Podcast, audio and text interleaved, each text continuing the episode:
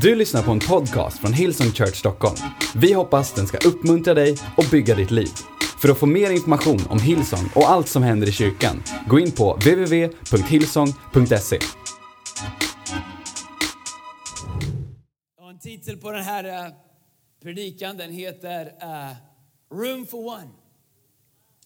Um, har du rest någon gång um, själv, gått in på en restaurang och frågat om det finns bord? Och de frågar, hur många är ni? Ja, det är bara jag. Har du känt de dömande blickarna man får ibland? Sen går man och sätter sig där på restaurangen själv. Fredag kväll, alla sitter där fina uppklädda. Jag heter filet mignon. Du sitter där själv. Men jag älskar, jag älskar att äta middag. Jag älskar givetvis mer att äta middag med min fru. Men jag tycker om att äta middag själv. Trivs i mitt eget sällskap. Inga problem att vara i New York två dagar själv. Tredje dagen kan bli lite tråkigt. Men du sitter där liksom och folk undrar, ska, kommer ingen mer eller? Kypan kommer, väntar du på någon? Nej, det gör jag inte.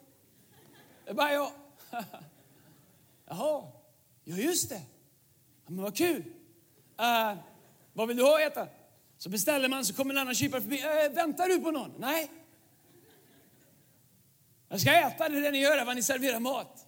Ja, jag visste, jag visste inte att man var tvungen att komma flera stycken för att få äta. Men herregud, en del tycker det är jobbigt. Det är klart, om det är ofrivillig ensamhet så kan det givetvis vara jobbigt. Ibland när man checkar in på, på hotellrum och man är själv så tänker människor, är det inte tråkigt att vara själv? Är det inte tråkigt att uh, sova själv? Jag bara, va? Fantastiskt! Få sova. Inga barn som kommer. Ingen hund som vill ut. Ingenting, bara sova. Det är underbart. Room for one. Come on somebody. Room for one. Alla småbarnsföräldrar sa, nu är inte jag småbarnsförälder längre men min fråga här idag är inte om du gillar att sova ensam på hotell eller äta middag själv. Min fråga är om du har rum för en i ditt liv. Om du har rum för en i, i din tid, om du har rum för en i ditt hjärta, om det finns rum för en person i din kalender. Om det finns rum för en person i din emotionella energi. Eller om allting i ditt liv har absorberat av, absorberats av dig. Av en enda person. I psalm 147, vers 10 i den engelska översättningen, så, i den engelska, som att det är en, en av de engelska översättningarna, så står det så här. He heals the broken hearted and binds up their wounds. I Lukas 4.18 så står det, Jesus säger när han ställer sig upp första gången, han säger The spirit of the Lord is upon me. Och han, han, han citerar från Jesaja. The spirit of the Lord is upon me because he has anointed me. Och då tänker man ju, he has anointed me. Jag är smord. Grymt. Jag kan gå på vatten, jag kan göra eh, mat till tusentals av två fiskar och fem bröd. Men han ska berätta vad han är smord till. Säger, He has anointed me to preach the gospel to the poor. He has, he has sent me to heal the brokenhearted. He has sent me to heal the brokenhearted. Så direkt efter att han säger att han har kommit för att predika evangelium så säger han att jag har kommit för att heal the brokenhearted. Jesus största uppdrag, det viktigaste som han visste, och det som han alltid fokuserade på var att gå rakt igenom fasader, rakt igenom yttre saker, skal, utmaningar, sjukdomar. Jag var på väg att gå upp och strypa ut Petrus för att han var på väg in i min predikan. Jag bad honom hålla min iPad lite där nere, det kan vara det. Men nu ni, Jesus ska definiera varför han är här. Så säger han, jag är här för de brustna hjärtarnas skull. Jag är här för de trasiga skull, jag är här för det som har gått sönder. Se, religion har alltid gjort kristendom till något präktigt. Till något som är lite finare, lite bättre. När, när jag växte upp och var med i Pingstkyrkan så, så fick jag ofta höra att ni tror att ni är lite bättre. Ni röker inte och ni dricker inte och ni har inte sex för äktenskap och ni åker inte raggarbilar och ni lyssnar inte på Eddie Meduza. Ni spelar inte fotboll på söndagar. Ni är så himla präktiga. Allt det där de sa var bara tråkigt. Men de trodde att var med Gud gjorde oss präktigare. Som att Jesus gav sitt liv för att göra oss präktiga. Jesus säger att han kom ner hit för att leta efter det som var trasigt. Kanske är präktigheten det största hindret för Jesus som någonsin har satts upp. Jesus han var ständigt i krig med de präktiga fariseerna. Han gillade att provocera dem. Han gillade att exponera deras självrättfärdighet och visa självrättfärdighetens otillräcklighet. Han sa, ni är som bägare, ni polerar er på utsidan men ni är fulla med skit, fulla med smuts. Han, han var ju lite präktig. Ni är fulla med smuts, men ni är smutsiga på utsidan men ni, hur var det nu? Ni polerar er på utsidan men ni är smutsiga på insidan. Ni är rent bägaren på utsidan, det som alla ser, men insidan är smutsig. Självrättfärdig, högmodig, stolt. Jesus han kom han sa, jag har inga problem med smutsiga utsidor. Det hindrar inte mig från att hela trasiga insidor. Jesus är annorlunda. De han var med borde han inte ha varit med, tyckte om, omgivningen. Men han var ständigt på jakt efter något att laga. Ständigt på jakt efter någon att göra rum för, ständigt på jakt efter någon att, att beröra. Och när han, när han går till himlen säger nu ska ni göra samma sak som jag gjorde. Och jag tänker, hade jag varit Jesus och ibland sett oss kristna, hur vi bråkar över hur man kan, man kan tolka den bibelversen så, eller man kan tolka den så. Nej, jag gillar lovsång på det sättet, jag gillar lovsång på det sättet. Han säger, hallå! Det var ju de trasiga som var målet. Det var allas brustna hjärtan vi skulle leta efter. Det var ju de som trodde att de inte fick plats, hörde hemma. Det var ju de som var grejen. Det här var aldrig en präktighetstävling eller en preferensgrupp där vi samlades med människor som delade våra preferenser. Det var inte det som var tanken. Någon har definierat våran generation. När jag säger våran så tänker jag fortfarande den unga generationen.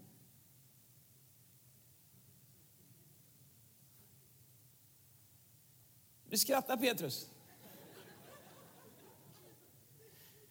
Tänk på att det är den här generationen som betalar lön till den där generationen. Alla Petrus.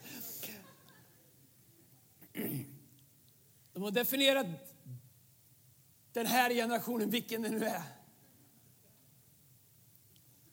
Som en generation som är stylade på utsidan, makeade, men brustna på insidan.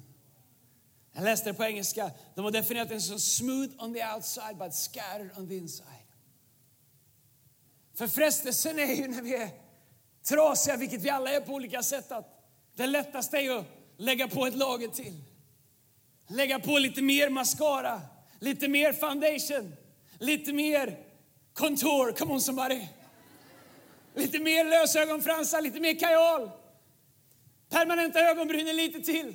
Så jag bor i det här, det är min vardag. Jag har byggt tre, styck, tre, två, snart tre stycken sminkbord med speglarlampor. Jag kan allt om det här. Jag har köpt allt, jag har fått listor på vad jag ska handla. I know all of it. En vanlig morgon för mig är en kamp att säga att nej, det blir inga lösögonfransar till skolan idag heller. Och inte imorgon heller. Men kanske när du har fyllt 35 år och flyttar hemifrån att du får välja själv. Så frestelsen för oss är att skapa distans mellan vår utsida och insida genom att skapa någonting som inte är på riktigt men som är tillräckligt verkligt så att människor inte tittar efter längre in och längre bakom. Så Jesus var fenomenal och inte låta sig luras.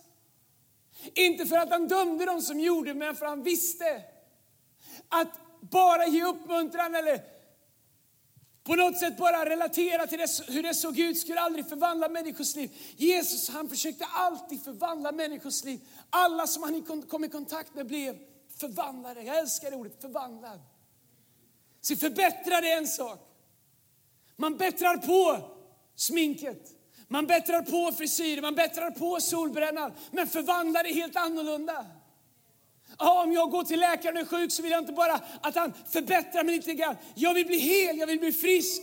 Jag vill bli av med det som har gjort att jag är sjuk. Jesus, han är ingen förbättringsteori. Det är ingen förbättringskristendom så, som någonsin kommer göra en skillnad i ditt liv. Men ett möte med Jesus är så i grunden förvandlande att allt kan bli annorlunda. Man har kallat den här generationen för de brustna hjärtans generation. Vi har allt men saknar ändå det vi helst vill ha.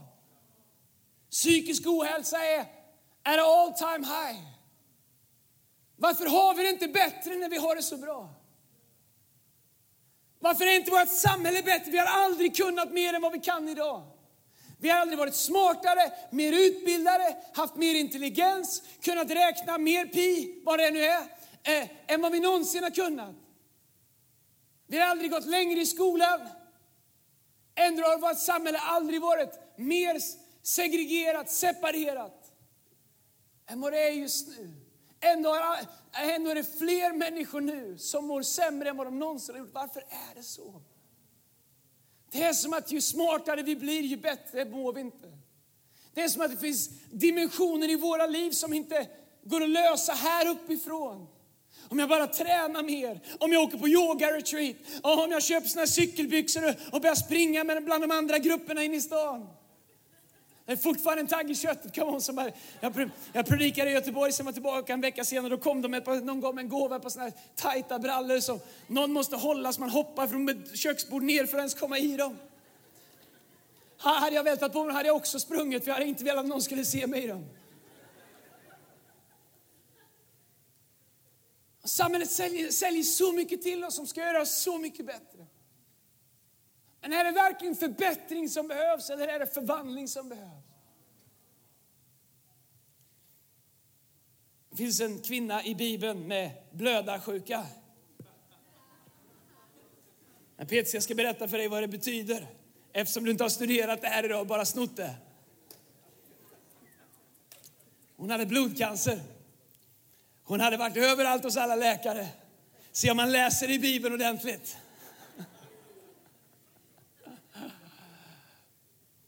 Vilket nu när jag ska berätta den här så börjar jag med att läsa Bibeln. runt omkring det. Jag älskar Petrus. Han är som en lillebror som jag aldrig blir av med.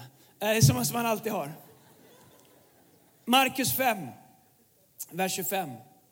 Det fanns också en kvinna som var 12 år års tid lidit av blödningar. Hon hade plågats mycket och behandlats av många läkare. Men trots att hon gjort slut på allt hon ägde hade hon inte blivit bättre utan sämre. Nu hade hon hört om Jesus och trängde sig fram bakom honom i folksamlingen Hon rörde äh, äh, inte bara hon som rörde sig, bokstäverna rörde sig också. Bakom honom i folksamlingen rörde vi hans mantel. För hon sa, om jag bara får röra vid hans kläder så kommer jag bli frisk.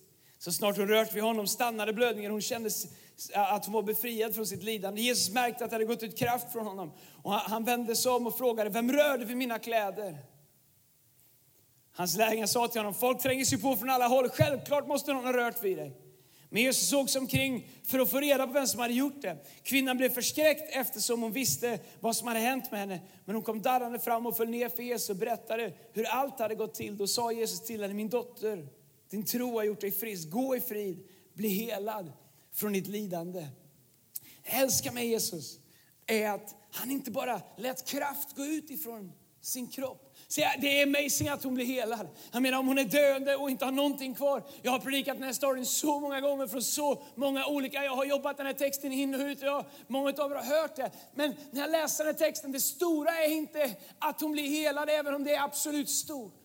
Det stora är att Guds son Messias, som är tre år på jorden, tycker att det är värt att pausa vad han håller på med. För att han tycker att hon är värd hans fulla uppmärksamhet. När lärjungarna försöker tala om för honom, Jesus lägg ner er, alla rör det folk överallt kom. Nothing to see here, keep moving, keep moving, nothing to see here. Och försöker dra med honom som man försöker dra en, en, en filmstjärna genom liksom en crowd eller en, en eh, hiphopstjärna genom sina fans. Bara stanna inte vad du gör. Så är det som att Jesus, han, han, han gör tvärtom. Han säger, hej låt allting stanna. För hon är inte bara värd att bli helad, hon är också värd att bli sedd. Så Jesus han nöjer sig inte med att röra vid hennes kropp och ge henne helande. Han nöjer sig inte förrän han har fått röra hennes hjärta så att hon har blivit förvandlad. För även om hon blir helad så kommer hon dö en dag. Men om hon blir förvandlad så kommer hon leva för evigt. För Jesus är det alltid viktigt att få chansen att röra vid hjärtat. Det är därför som vi måste vara människor som ber Gud om andra ögon som ser annorlunda. Som inte bara ser det andra människor ser. Jag fick en fråga i någon som intervjuade mig här innan mötet och, eh, äh, om, äh, unga generationen och vad vi gör i kyrkan och, bla, och hit och dit. Och mycket, mycket bra frågor. Grejen är så här, jag kan också sätta mig på samma soffa som alla andra och tala om hur hemskt det är, tala om hur dåligt det är, tala om vilka som borde skärpa sig, tala om vilka, som borde kamma sig och gå till skolan och skaffa sig ett jobb. Men vad har jag åstadkommit genom att säga det? Mitt jobb är att säga Gud ge mig andra ögon. Vad är det som vi som kyrka behöver se, som går förbi beteende, som går förbi olika saker. Absolut att vissa saker inte är okej, okay, men det finns någonting bakom där som är ett hjärta. Man vet statistiskt sett att majoriteten av alla alla killar som hamnar i kriminalitet har haft en frånvarande pappa. Vad är det som driver dem? Vad är det de egentligen behöver? Vems kärlek letar de efter? Vems bekräftelse? Hur långt är man beredd att gå för att få det där som man hade velat ha när man var tio år, när pappa inte var där? Så du förstår, vi måste se med andra ögon. Därför att vi är inte i förändringsbranschen, vi är i förvandlingsbranschen. Där Jesus vill få chansen att förvandla våra hjärtan. Därför att alla människors handlingar kommer ifrån hjärtat. Bibeln säger att hjärtat är fullt av, det talar munnen. Som en man är i sitt hjärta, som en man tänker i sitt hjärta, så är han, säger Ordspråksboken. Så det är hjärtat som är grejen. Det är förvandlingen som är grejen. Det är inte att lära någon att skärpa sig lite som är grejen. Det är inte att vi övar oss. Det är inte att vi får feeling. Det är att vi låter Gud förvandla vårt hjärta. En hel dag oss jobbar så mycket med våra beteenden och om två veckor ska jag predika en predikan som jag har jobbat med ett tag om andens frukter och vad Gud vill göra i våra liv. Och vad som är kännetecknet för att vi faktiskt har en relation med Gud. Men här är grejen. Gud vet att du inte kan förvandla dig själv. Så religion kommer alltid säga till dig att försöka. Präktighet kommer alltid säga åt dig att försöka. Fördömelsen kommer alltid vara där och skrika i ditt öra när du inte klarar det. Det finns människor som inte är här på mötet idag. Därför att de tyckte inte att de levde upp till en nivå där de vågade gå in i kyrkan eller tyckte att de hörde hemma i kyrkan. Eftersom religion alltid kommer försöka förbättra oss, lite kan säga att vi måste skärpa oss. Och när vi inte klarar det så är samma religiösa ande där och säger, ha du är inte så bra minsann. Ska du gå till kyrkan idag efter vad du gjorde igår kväll? Men du förstår, det är inte om vi lyckas förbättra oss själva som ger oss Guds godkännande. Vi fick Guds godkännande samma ögonblick som Jesus gav sitt liv på korset. Och när han får chansen så ser han oss. Han ser rakt in i oss. Han säger, vem rörde vid mig? Jag kände att kraft gick utifrån mig. Kanske du är här idag och tänker, det är väl ingen som vet om jag är, Gud ser väl inte mig här. Men det är exakt det som han gör. Och det är inget att vara rädd för. Det är något att vara glad för att Gud är en Gud som ser över hela det här rummet, både här nere på parkett och hela vägen upp på läktaren. Och vilken person som helst kan välja att när som helst säga Gud, jag vill röra vid dig. Gud, jag behöver dig idag. Gud, kanske du är och du känner, jag vet inte ens, jag, jag vet inte ens hur jag ska be idag. Den här kvinnan kom inte fram till Jesus och sa, Jesus, jag har en bön, kan jag få be den till dig? Jag, jag har övat hela veckan på en bra bön, jag tror du kommer gilla den. Jag har sjungit fyra lovsånger, jag gav lite i kollekten, jag lyssnade på pålysningarna. Jesus, är det okej okay om jag ber en bön som jag har till dig här nu? Hon hade ingen bön. Hon hade inget kvar, hon hade gett allt, hon hade spenderat allt, hon hade prövat allt. Hon hade bara desperation och panik kvar. Men det hon hade var en hand som bestämde sig för att ta på han som är källan till livet. Och när hon gjorde det så förvandlade han allting. Och Jesus hade room for one. Han hade rum för en person i sin tid, i sin tillvaro, på sin resa, så hade han rum för en person. Ingen annan såg henne så såg Jesus henne. När andra tyckte att de inte hade tid för henne, så, eller möjlighet att hjälpa henne, så pausade Jesus allt han gjorde för att hon var så värdefull. Jesus har tre år på sig, men han tycker ändå att han kan stanna för varje människa som behöver honom. Varje blind, varje trasig, varje person som har gjort fel. Han stannar, han stannar, han stannar, han stannar och lärjungarna fattar aldrig. I ett annat tillfälle så frågar Petrus honom, för Jesus gör så stor grej om en annan kvinna som uttrycker sin tacksamhet och sitt behov till Jesus. Och Jesus svarar honom i Lukas 7 och 44 så står det, sen vände, sen vände han sig, alltså Jesus, mot kvinnan och sa till Simon, ser du den här kvinnan? Det är en hypotetisk fråga. Kvinnan står där, Petrus är inte blind, utan han ser så. Han, han vet ju att Petrus ser kvinnan, men det är inte det han frågar. Han försöker lära Petrus, han försöker få Petrus att förstå att det är, jag, jag vet att du ser henne. Men ser du henne? Petrus undrar varför hon är så tacksam. Men om du ska förstå det så räcker det inte att du ser henne, du måste se henne. Se var hon kom från. Se var jag förvandlade henne från. Se vad som var inneburit för henne. Att hitta någon som såg vem hon verkligen var, kvinnan som Jesus mötte vid brunnen.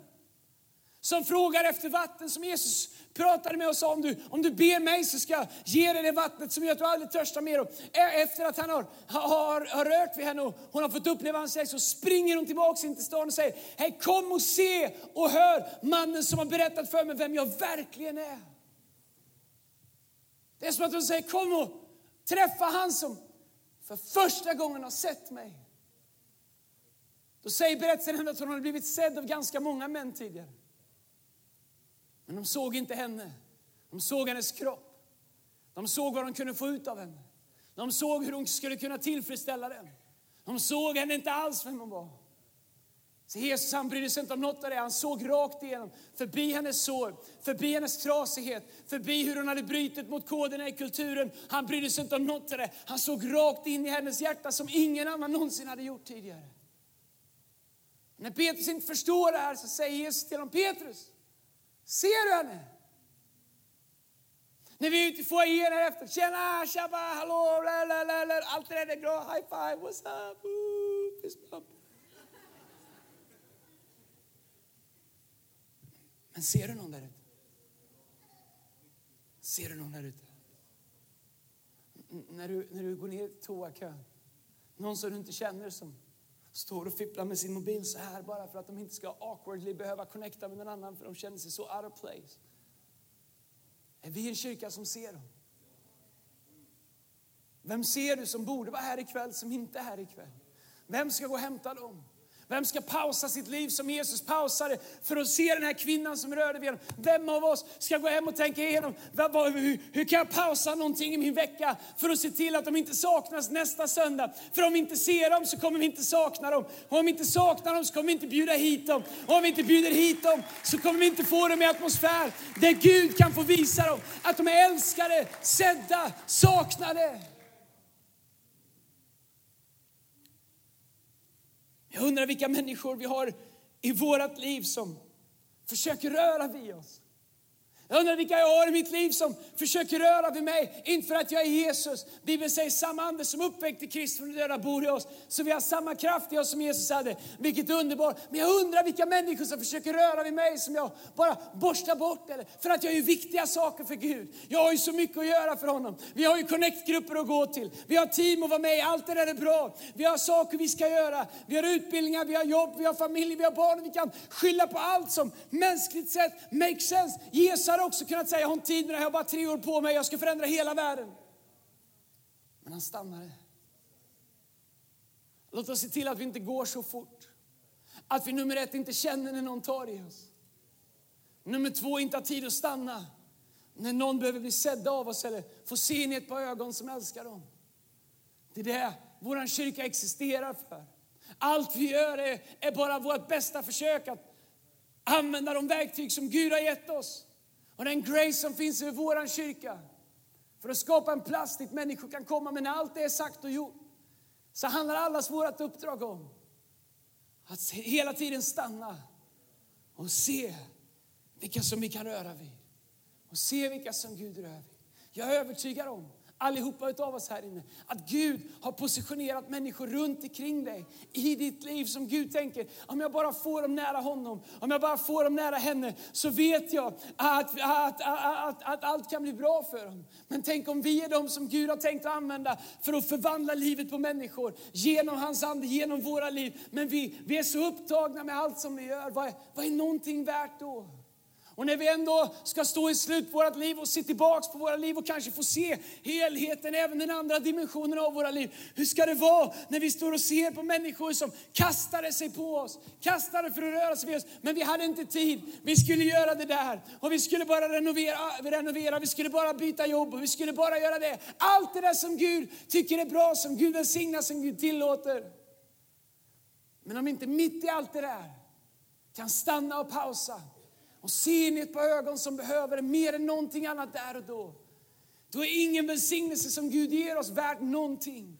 Du har allt det här med att Gud är på din sida, Gud är för dig, vilket jag tror av hela mitt hjärta. Men då är det inte värt någonting, för Gud är med oss, Gud är för oss, Gud bor i oss, för att han vill komma igenom oss till dem som inte ens tror att Gud finns eller är på deras sida. Vi är inte här för att bygga en kyrka som är cool, vi är här för att bygga en kyrka som förvandlar en nation. Men det är det sätt som vi gör det är en människa i taget, att vi stannar för en människa i taget, en, en, en och en.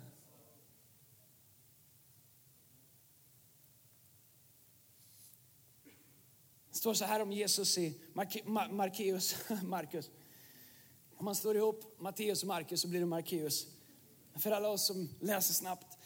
Markus evangelium kapitel 5, vers 21 så står det så här. När Jesus hade farit tillbaka med båten till andra sidan sjön samlades en stor folkskara hos honom där han var vid sjön. En synagogsföreståndare som hette Jaurus kom dit. Och då fick han se Jesus och då han fick se Jesus föll han ner för hans fötter och bad honom enträget. Min dotter ligger för döden, kom och lägg händerna på henne så blir hon frisk och får leva. Jag älskar den här versen, vers 24, bästa, Bibeln, bästa versen i Bibeln. Då gick Jesus med honom. Jag tycker det är helt magiskt. Hade jag kunnat göra en backflip utan att behöva göra några större operationer på kroppen så hade jag gjort det. Därför att jag tycker att evangelium är så underbart men det är så okomplicerat och det är så enkelt. Och ibland funderar jag på hur, hur har vi lyckats ta det här och krångla till det så mycket. Att man måste gå i skola tio år för att ens fatta någonting. Ah, att människor tar det här som är så enkelt och gör det så svårt. Så här enkelt är Guds kärlek, så här stor är hans omsorg. En man som har en dotter som ligger för döden, som för övrigt inte ens tror att han är Messias. Han är från synagogsföreståndare, han är från judendomen. Han kommer till Jesus och säger, Jesus min dotter ligger för döden, snälla kom och hjälp mig. Då gick Jesus med honom. Evangelium är inte krångligt, evangelium är enkelt, men evangelium kommer alltid kräva action från vår sida. Det innebär att vem du än är, vart du än är, vad, vad du än har varit med om, vad du än bär på, vad du än behöver komma igenom, så kan du bli använd av Gud. Du behöver bara säga Gud, låt dem komma till mig, så går jag med dem hem. Du behöver inte kunna väcka upp döda. Du behöver inte kunna förklara Uppenbarelseboken, vita hästar, enhörningar och dinosaurier. Du behöver bara kunna följa med någon som säger, vet du vad, jag är ensam. Och då kan du säga, I got room for one. Jag kommer hem till dig ikväll. Jag följer med dig. Du kan vara med mig, sitt med mig, var med mig, ät med mig, var kompis med mig, gör livet med mig. Om du ska till sjukhuset så följer jag med dig. Det är det som evangelium handlar om. Ingen av oss behöver göra livet själva. Eftersom Gud har en kyrka, eftersom Gud har en kropp som är som honom. Då gick Jesus med honom. Sammanfattningen av evangelium. Återigen, Jesus har en crowd runt omkring sig. Det är full fart, det är människor där som förväntar sig saker från honom. Men en pappa kommer och säger, snälla Jesus, min dotter håller på att dö. Det är inga frågor, det är inga varför. Han säger inte om jag kommer, lovar du att följa mig då? Lovar du att gå med i team? Lovar du att bli tiondegivare? Lovar du att bli en Kingdom Builders? Lovar du att åka på alla Hillsong Conference alla år som kommer framöver tills Jesus kommer eller döden skiljer oss åt? Lo Nej, inte en fråga, det bara stod, då gick Jesus med. Om du undrar hur Jesus förhåller sig till dig så är Jesus en person som är beredd att följa med dig, komma till dig. Hem till ditt inre. In i ditt brustna hjärta. In i din längtan, in i, din omsorg, in i det som du, där du behöver hans omsorg. Så Jesus han är beredd att släppa allting. När våra barn var små och man hörde dem skrika så släppte man allting, framförallt det där skriket när man vet att någon har gjort sig illa. Många gånger har jag sprungit ner för trappan eller upp för trappan eller ut i trädgården. När någon har klämt sig i en dörr eller ramlat eller slagit sig eller blöder. Aldrig någonsin har ropat och frågat, är det någonting brutet? På hur många ställen? Ett ställe, okej, okay, ja, men jag kommer sen. Två ställen, jag kommer nu. Jag bara kommer till honom. Jesus är likadan. Varje gång du ber så gör han som när Jaurus kom och berättade om sin dotter. Ber så säger Jesus, kom så går vi. Jag följer med dig hem. Jag ska aldrig lämna dig, aldrig överge dig. Ingenting kan rycka dig ur min hand. Tänk om tusen människor här ikväll bestämde sig för att bli dem den här veckan. Det innebär att tusen människor skulle på ett praktiskt sätt få uppleva Guds verkliga kärlek. Förvisso genom en annan människa. Men förr eller senare skulle de upptäcka var det kommer ifrån. Att vi bestämmer oss för att en gång den här veckan pausa och se någon som försöker få vår uppmärksamhet. Vilka av oss ska säga att Gud, Gud använd mig den här veckan för att se till att de som jag gör livet med, de som, de som jag har runt omkring mig, de som jag kan röra vid, att de ska sitta bredvid mig nästa vecka. Så att du Gud kan få göra det bara du har tänkt i deras liv. Till hela de här fyra männen som kom till Jesus när han undervisar. Jesus står och undervisar i sitt hus och det är fullt, människor står överallt och människor står utanför, de lyssnar genom fönster, de står på avstånd. Det går inte att komma nära Jesus för det är fullt. Huset och strukturen av huset gör att, att alla säger det går inte att komma nära Jesus. Men tack gode Gud att det finns fyra stycken män där som har en kompis som de bär på en madrass. De bär en person på en madrass som är lam och när de kommer fram och all struktur och all, all mänsklighet och all, allt logiskt och rimligt säger att det går inte att komma närmare Jesus nu. Så nöjer de sig inte med det utan de klättrar upp på taket, sågar upp ett hål och säger Jesus du får faktiskt pausa lite nu. Därför våran kompis, han behöver dig här och nu. Och där och då så pausar Jesus all sin undervisning, allt han håller på med och ger den här personen sin fulla uppmärksamhet. Vet du vad jag önskar? Mer än någonting annat. Att de skulle säga om mig när jag dör. Jag säger inte bara det för att det låter bra. Jag önskar att de skulle säga, han var bra på att bära madrasser och på att såga upp tak. Om det är allt jag får göra i livet, bära madrasser och såga upp tak. Gärna med en stor motorsåg som låter mycket för jag gillar verktyg. Men det är det som livet går ut på. Att bära våra vänner på madrasser och såga upp allting som står i vägen mellan dem och Jesus.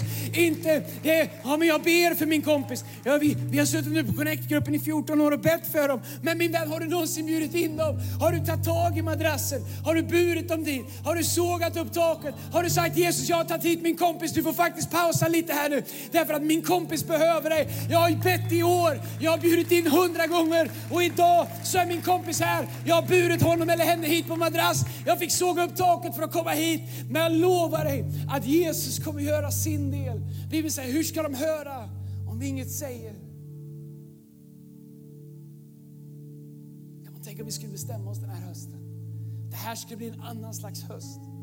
Inte bara en höst med bra teman och bra predikanter. Och Martin Smith kommer om två veckor, en av mina absoluta favoritlovsångsledare. Så smord, det kommer bli så awesome. Men tänk om den här hösten, mer än någonting annat, skulle vara vi som säger, jag vaknar varje morgon och säger, Gud hjälp mig att se någon idag. Vem kan jag se? Vem kan jag röra vid? Vem kan jag ge värde till? Vem kan jag göra rum för? Vem kan jag bjuda med mig? Vem kan få plats i mitt liv? Vem kan jag dra närmare mig? Vem kan jag bjuda med mig på söndag? Tänk om det skulle vara våra fokus den här den här hösten, om det, det är det som skulle hända, att det skulle bubbla här inne. Jag är beredd att starta ett möte när som helst. Om alla tar med sig nästa söndag, då startar vi ett möte direkt. Därför att varenda människa som finns här i våran stad, de behöver Jesus. Och Jesus han är så redo att röra vid dem, var och en utav dem. No questions asked. Kom on, ska vi stå upp tillsammans?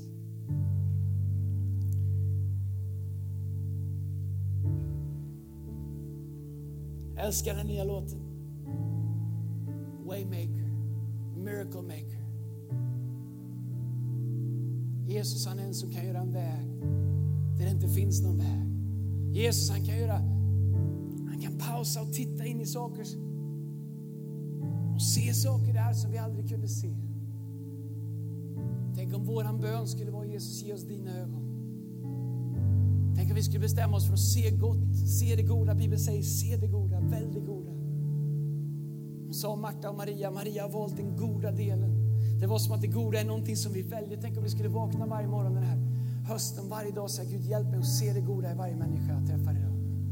Hjälp mig att se dig, hjälp mig att se vad du vill göra i deras liv. Ge mig ögon att se, profetiska ögon. Här profetiskt betyder inte att du, att du vaknar upp och tar med dig flaggan, tamburinen och en huggorm till jobbet liksom och säger jag är kristen, jag ska se det profetiska. Det är inte det det är. Please don't. Profetia handlar till 90% om att uppmuntra andra människor. Om du vill komma in i det profetiska, bestäm dig för att bli en som uppmuntrar andra människor.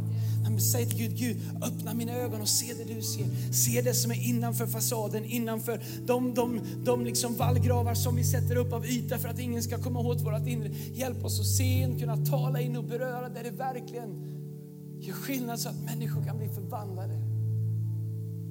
Jag önskar att människor som känner mig skulle veta att jag, jag har inte bara blivit lite förbättrad sen innan jag kände Gud, jag är förvandlad. Det hade inte med mig att göra. Jag är inte värd mer än någon annan, men mitt liv är förvandlat därför att Jesus gjorde det. Han kan göra det för dig, han kan göra det för alla våra vänner, alla våra familjer. Kom on, ska vi böja våra huvuden? Jag skulle vilja be en bön innan vi sjunger den här sången igen.